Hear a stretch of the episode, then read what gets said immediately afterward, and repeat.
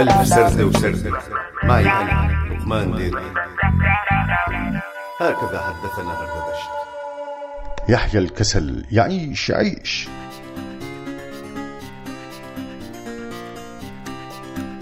أكثر شيء يمتعني في الحياة هو الكسل.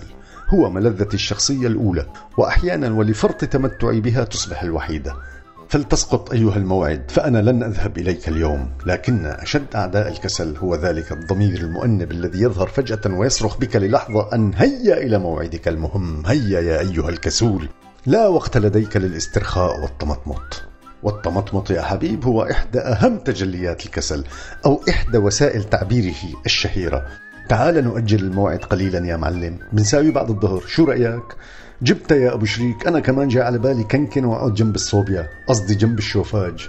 بعد الظهر بيكون أفضل. الله يخلي لنا الموبايل. شو عم يحل لنا مشاكل؟ شو رأيك نخليها لبكرة؟ أصلا اليوم جمعة ويوم الجمعة حبيبنا. لا شغلة ولا عملة حتى إنه الشوارع فاضية. كل الناس عم تتسيرن وما حدا فاضي لحدا. وأنا سيراني هو الكسل. متسطح الكنبة يا معلم وقدام التلفزيون اللي مالي جلادة إني أتفرج عليه أصلا. عم اتطلع فيه بس بدون ما أشوف شيء وبجنبي سلة الملذات الشخصية تبعي. مشان إذا بدي كب فيها شيء محرمة أو إذا بدي أمسح الطاولة كل ساعتين مرة بدون ما أتحرك من محلي.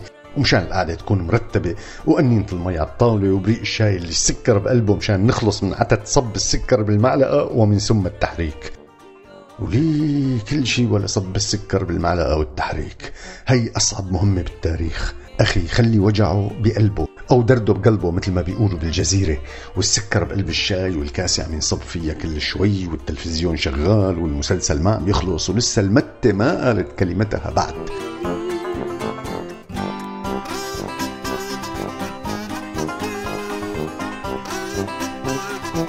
بريق المي السخنة موجود ومشان ما ننقطع في بريق تاني احتياط على نار هادية. أما تقارير الأطباء والعلماء عن المتة وفوائدها وأضرارها فلقد كانت موحدة ومقتضبة. لا تضر ولا تنفع. وهذا يعني أن شرب المتة هو ضرب من ضروب العبث واللا جدوى. ورحمة الله عليك يا سيزيف اليوناني الذي عاقبته الآلهة بأن يدفع صخرة من السفح إلى قمة الجبل كل يوم.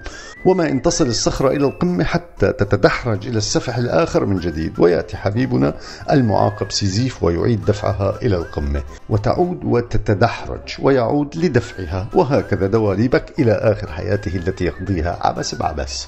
لذا ضحكنا جميعا ونحن نشفط من مصاصة المتة فعقوبتنا أريح. ما فيها لا صخرة ولا جبل. بنقعد هيك يا حبيب وبنتمطعز وبنشفط بهالمتة لا شغلة ولا عملة. لن يزحزحنا نداء عن الكنبة. لن تحركنا صرخة هامدون كصخرة يمنعنا الكسل عن فعل أي شيء. حتى اللي بالي بالك ما بيقدر يسحبنا من كسلنا اللذيذ.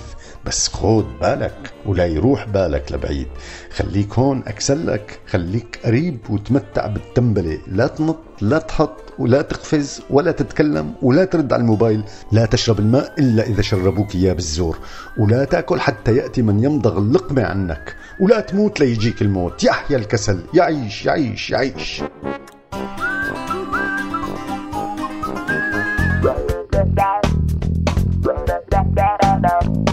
هكذا هردبشت كنتوا عم تسمعوا لقمان ديركي بألف سردة وسردة عهوا راديو سوريالي.